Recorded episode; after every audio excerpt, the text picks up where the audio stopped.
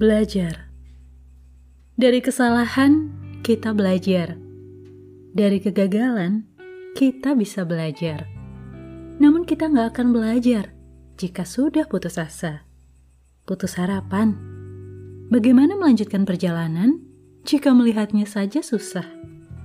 Apa kabarnya dunia ini kalau Thomas Alva Edison menyerah kala percobaan yang ke 1998?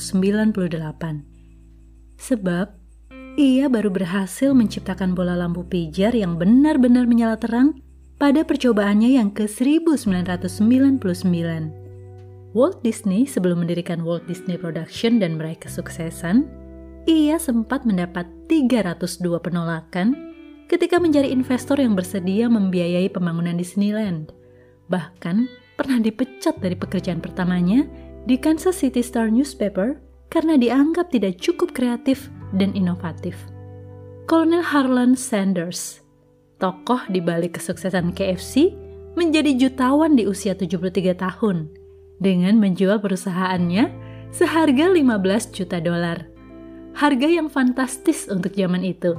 Namun Sanders sempat mengalami kegagalan berkali-kali saat menciptakan resep 11 bumbu rahasia untuk ayam goreng renyahnya. Ia juga ditolak seribu investor saat mencoba menjual resep tersebut. Tetapi, tujuh tahun kemudian, ia justru menjadi kaya raya berkat resep yang sama.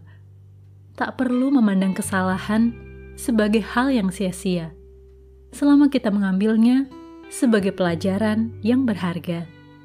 Sebab kegagalan maupun kesuksesan adalah bagian dari perjalanan hidup, yang mana tujuan utamanya adalah kita menjadi dampak berguna untuk kehidupan. thank you